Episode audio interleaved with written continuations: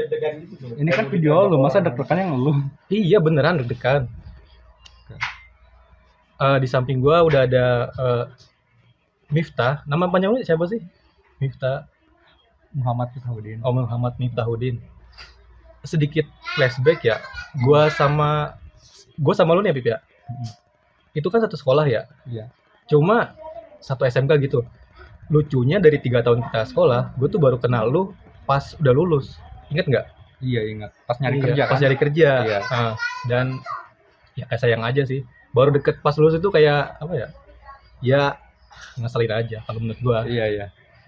Eh, gimana kabarnya Mip? Eh, sehat-sehat alhamdulillah. Gimana kabar lu juga? Baik. Gimana rasanya tiga tahun jadi ini warga Jakarta? Warga Jakarta kan gua kerja di Tangerang. Iya maksudnya Tangerang tinggal perbatasan. tinggal di Tangerang lah. Udah bukan warga Bekasi lagi kan sekarang? Hah? Udah bukan warga Bekasi lagi sekarang. Sama aja, KTP-nya KTP Bekasi tapi Jauh apa ngomongnya kamera? Oh iya, KTP-nya ya KTP Bekasi. Cuma Hmm. eh, apa ya namanya pergaulan di sana ya sama aja sih kayak di sini. Cuma di sana mungkin kotanya lebih padat kali, jadinya lebih banyak ketemu orang-orang gitu dibanding di sini. Mungkin kalau kalau di sini gue nya jarang keluar rumah. Memang di sono sering keluar rumah lu apa? Enggak juga. Nggak juga kan? Paling kerja kerja terus pulang ya udah gitu aja. Tapi Enggak enggak keluar keluar, paling cuma beli makan doang. yang paling beda nih tinggal di suasana Tangerang itu sama suasana Bekasi apa nih? Yang paling bedain gitu. Paling beda. Nah, Paling beda apa? entah apa suasana orangnya, suasana lingkungannya apa apa gimana gitu. sama aja sih. Eh, mungkin kalau di sini kan lebih dekat sama Bogor ya, Iya. jadi lebih agak Sunda gitu ya. Kalau di Hmm. sono masih kental Betawinya, Hmm, Betawi pinggiran. iya. Jadi gini, Mip. Semalam kan malam minggu ya. Dan gua tuh abis rewatch film ini Interstellar. Lu pernah denger nggak? Pernah pernah dengar, gue juga Pernah pernah, nonton kan? Nah Iya. itu kan kental banget sama fisika lah, fisika kuantum sama space and time physics tuh ya. Iya. Nah, pertama gue pengen nanya dulu pendapat lu soal film itu gitu. Coba dah lu ceritain apa filmnya, review filmnya? lu. Iya. Oke. Kalau gue sih nontonnya apa ya, nggak terlalu dari sisi fisika ya, tapi Iya. inti dari ceritanya itu kayak seorang eh, mencari sesuatu gitu, Hmm. Eh, kayak mencari keberadaan hantu ya. Ternyata setelah diselidiki tuh Iya. itu bukan hantu, tapi eh, ses- diri, diri kita di Hmm. dimensi lain gitu. Hmm. Dalam cerita Interstellar itu kan ada seorang anak sama dan ayahnya sama-sama fisikawan gitu, suka-suka Hmm, fisika. Sedangkan pas waktu itu ayahnya itu berangkat ke ke mana ya? Luar Saya angkasa. lupa luar angkasa gitu ya. Iya. Nah, di situ kan perbeda ada perbedaan dimensi dan waktu gitu ya. Hmm. Jadi setelah ayahnya balik lagi, tahu-taunya anaknya udah udah udah dewasa, bukan dewasa lagi sih, malah Ya, udah udah bangkotan, Udah mau meninggal. udah udah mau meninggal ya. Iya, Ya gua gitu. apa kemarin kan gue sebelumnya udah nonton dulu waktu Hmm. awal-awal rilis cuma Hmm. pas semalam gue nonton lagi tuh waduh ternyata ya itu dulu tuh gue nontonnya Heeh. sekedar hiburan doang nggak nggak bener-bener serius lah cuma kalau semalam gue nonton tuh ternyata banyak banget apa ya fisika-fisika lah yang apa sedikit-sedikit apa gue pernah lihat lah di sekolah dulu gitu. Eh, kebenarannya gitu ya. iya ada. Iya. fisika terus eh, space and time physics gitu. Dia kan nyebutnya gitu ya fisika ruang waktu. Nah terus kebetulan nih gue langsung ingat sama lu. Lu kan orangnya dulu jago banget fisika ya. Ah, gua tuh emang dulu di sekolah nggak nggak kenal lo gitu nggak berteman. Cuma gua tahu aja lu tuh orang gak jago fisika gitu ngerti Iya, iya. fisika. Soalnya sering sama guru fisika dulu Enggak juga sih, tapi ya ngerti lah dikit-dikit.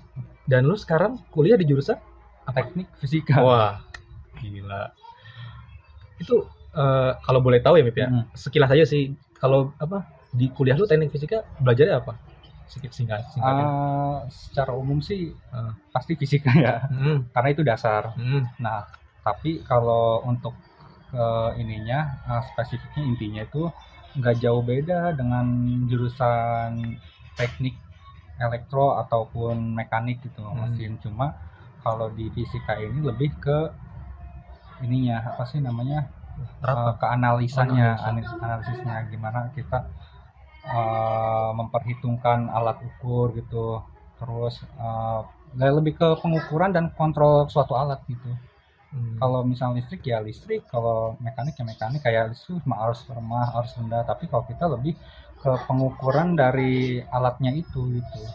Jadi ya emang fisika eh, fisika teknik di Fisika teknik ya.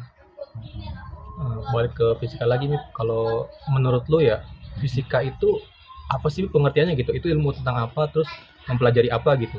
Fisika itu pakai bahasa lo aja nggak apa ya fisika fisika tuh ya ilmu mempelajari tentang hal fisis gitu. Fisis apa tuh maksudnya? Ya seperti kayak fenomena yang kita temui di alam sekitar kayak Hmm. misalnya eh, benda jatuh Dan gitu. jatuh terus kayak kenapa eh, apa ya apa sih namanya kayak ya kayak tentang pergerakan fenomena kayak terjadinya pelangi Hmm. gimana ya fenomena-fenomena gitulah itu bisa diukur terjadinya pelangi gitu bukan bisa diukur Apa diapain? ta- tapi kayak kita analisis itu kenapa bisa jadi kayak gitu penyebabnya apa Nah, Oh. kita cari tahu selidiki apa itu uh, bisa terjadi kayak gitu gimana cara buatnya Hmm. itu jadi fisika tuh nggak melulu soal angka ya nggak melulu soal ya secara sederhana sih itu angka itu matematika tuh ya kayak seperti alat bantu gitu kita Hmm. nggak tahu uh, jarak ke sini ke sana lebih dekat kenapa uh, faktornya itu apa aja gitu. Hmm. nggak cuma dari jarak aja tapi dari perhitungan kecepatannya gitu. Kenapa bisa intinya menjawab semua kenapa bisa gitu. Hmm, jauh Kayak semua gitu. bisa. Terus eh, soal berarti bisa gua simpulin lu tuh emang suka fisika ya? Suka Ya, nggak fisika? suka sih. Suka. Tapi nggak nggak melulu soal Hmm. hitungan yang bikin bikin suka. Karena gue juga nggak ini sih nggak jago ngitung nah itu yang bikin lu suka sama fisika apa? Apa emang karena pembahasannya atau apa? Ya karena ini karena menjawab semua rasa penasaran gue Oh, gitu. jauh semua penasaran. Ngerti kan?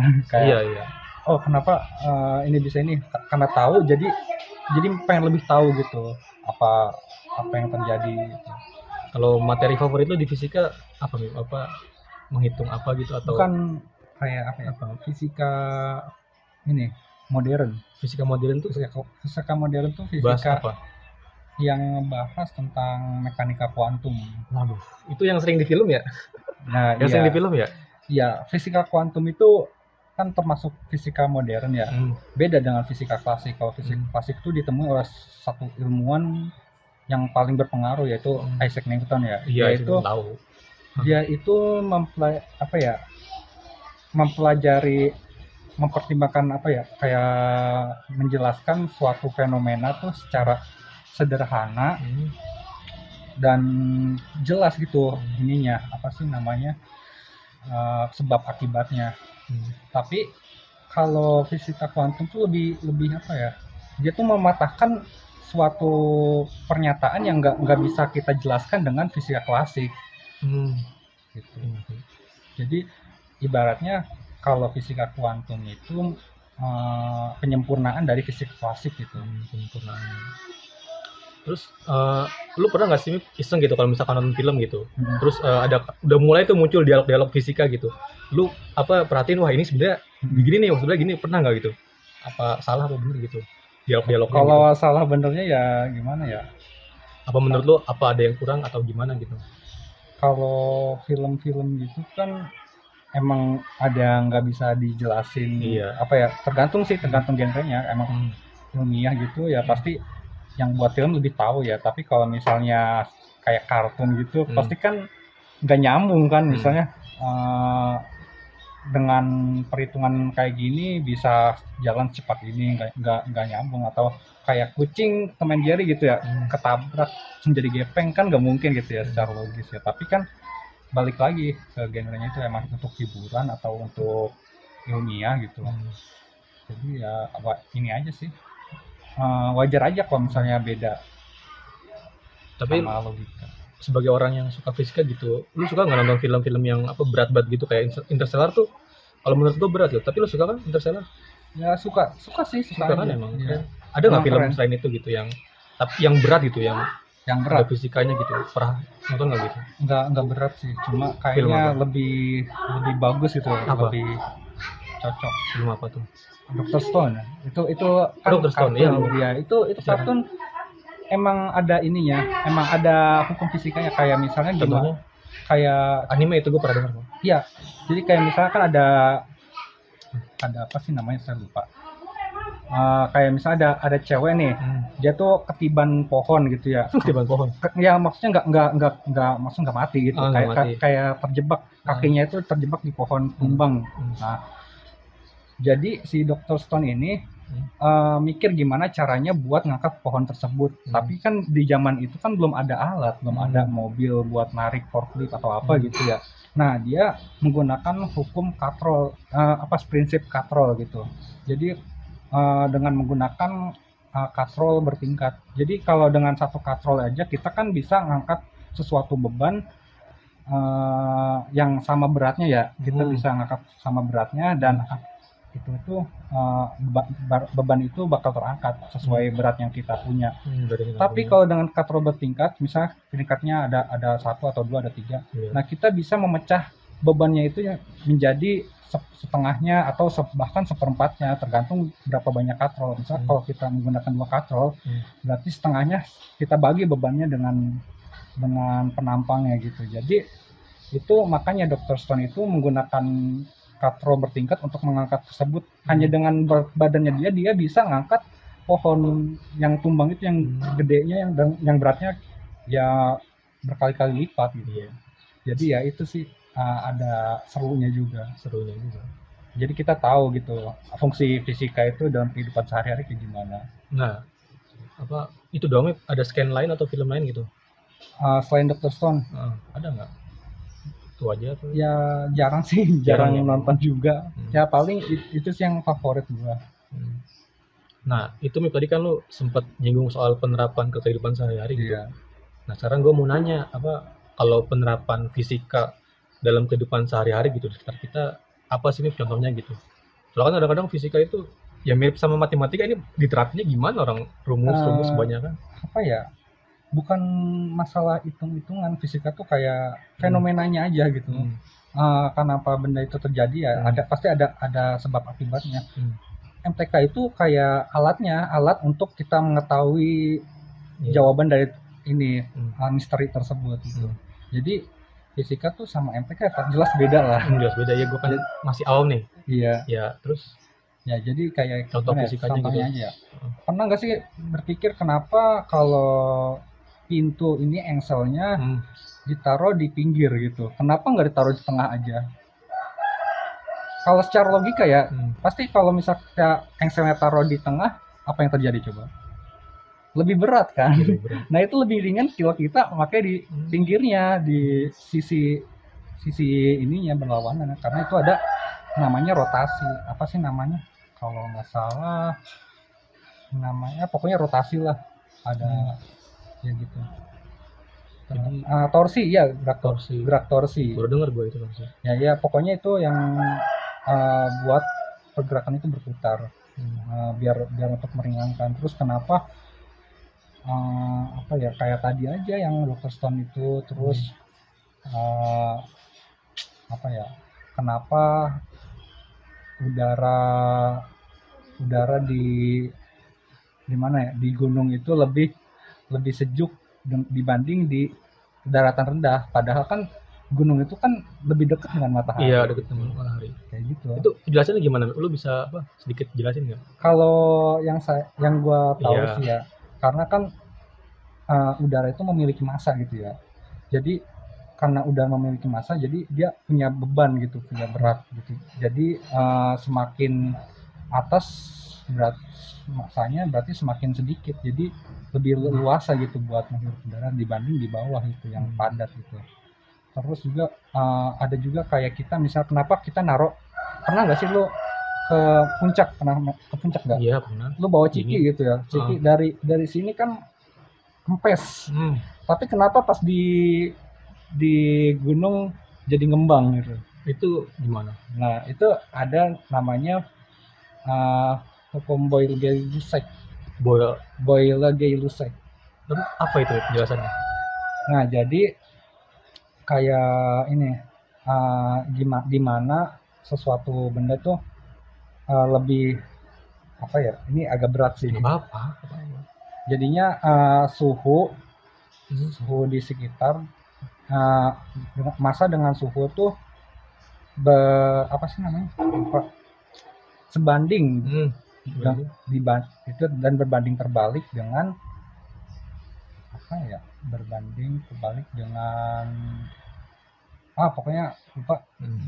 jadi intinya gitulah ada lupa gue lupa serius Jadi fisika itu singkatnya lebih ke ini ya fenomena gitu ya, iya bukan hitung bukan hitungan hitung-hitungan ya. Hmm. Jadi ya, itu kan alat bantu aja jadi sebenarnya fenomena di sekitar kita itu itu ada hubungannya sama fisika gitu ya, maksudnya ya. Bisa ya bisa ada hubungannya nih Hmm. kayak gini aja nih Kayak gimana? karena contoh lagi ya Iya contohnya nggak apa? kita kan naik naik mobil nih Hmm. Atau kereta gitu secepat apa pun gitu ya Hmm. tapi kalau geraknya konstan kita nggak ngerasa cepat gitu kayak biasa aja kayak Hmm. nggak lagi gerak Iya. gitu kan nggak ngerasa ya Hmm. karena sesuai dengan hukum Newton yang pertama kalau Oh iya itu. kalau percepatan itu Iya. jika kondisi no kondisi nol maka dianggap diam Hmm. nah kita gerak konstan itu sama aja nggak ada percepatan Iya. gitu Berarti intinya kita tuh kalau kita kalau di dalam kereta itu diem apa bergerak nih hitungannya kesimpulannya? Eh, tergantung ini juga tergantung apa? perse- persepsi. Persepsi. Kita kita terhadap apa dulu? Kita Hmm. terhadap bumi atau kita terhadap kereta? Kalau kita terhadap kereta ya kita diam kalau Hmm. kita terhadapnya ya gerak gitu. Iya wih, keren sih. Ya itu. Hmm.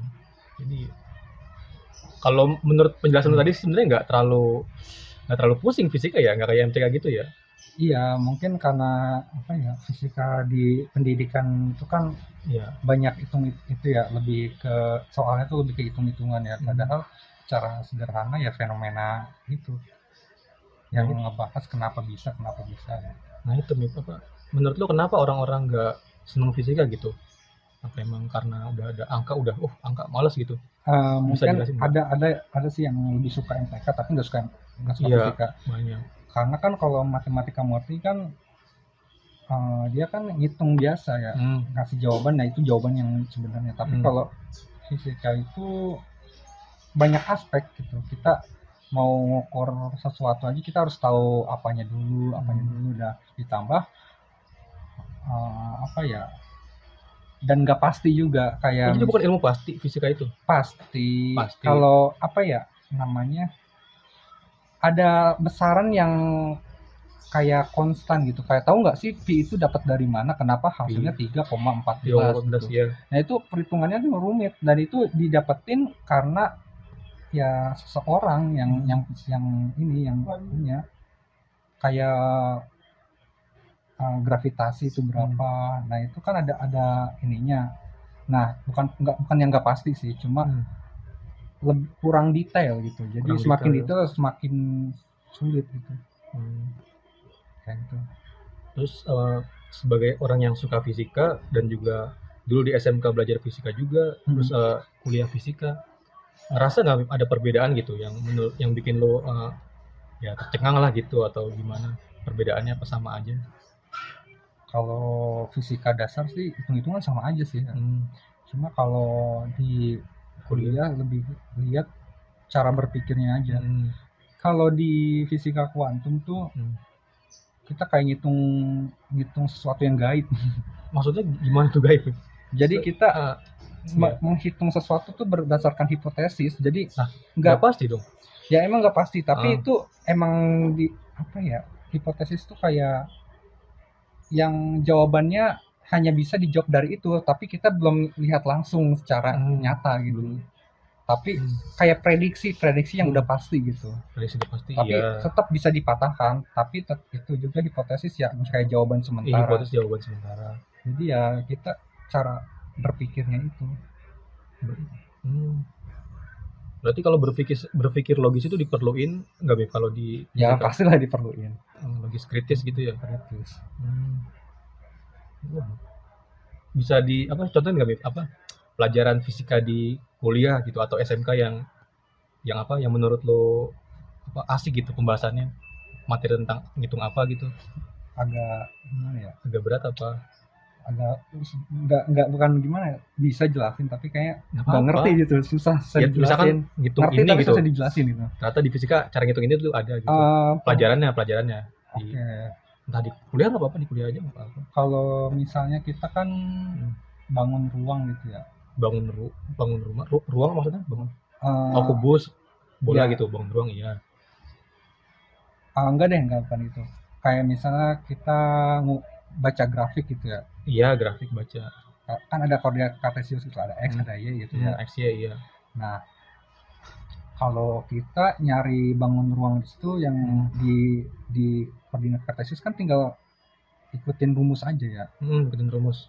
Eh, kayak misal kalau bentuknya kayak gini berarti Hmm. eh, trapesium ya kita ngikut trapesium terus Hmm. kalau misalnya lur- itu kalau lurus beraturan Hmm. bentuknya kan pasti gini ya ada yang Iya. segitiga ada yang kotak ada yang trapesium nah kalau di perkuliahan gitu kan eh, itu di- berguna banget kalau kita eh, ngukur apa sih namanya kekuatan material kan ada grafiknya gitu ya Hmm, kayak gitu. material. pasti grafiknya tuh nggak nggak lurus nggak nggak nggak nggak Hmm. konstan gitu pasti konstan. ada ada ngelengkungnya ada gimana Hmm. nah itu dihitung pakai kalkulus Waduh, kalkulus. Udah ini gua. iya pokoknya Udah itu nyerah ada kalau ada kalkulus. ada namanya deret deret Ah, deret deret Taylor deret eh, banyak banyak prosesnya gitu Ntar dulu ya Real tanpa gimmick ada telepon.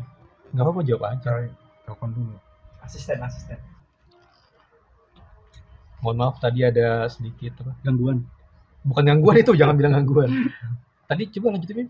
Tadi apa ya ini apa move? Oh ya.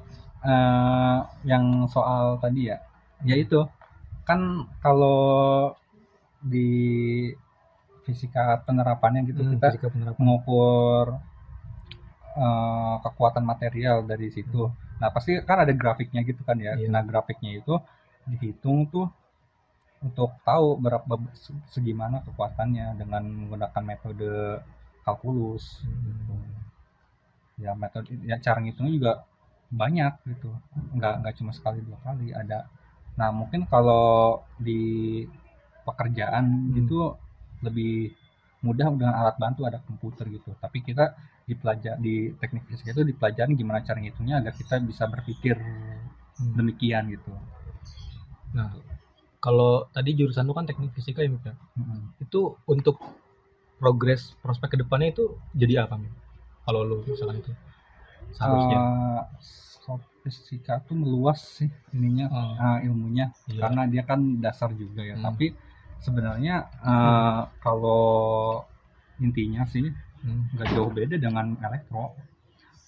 Intinya Jadi- tentang pengukuran Hmm, elektro teknisi atau- gitu. ya nah eh, cuma kita lebih di fokus di kontrol kontrol dan pengukuran ada ada ada beda beda sih Hmm.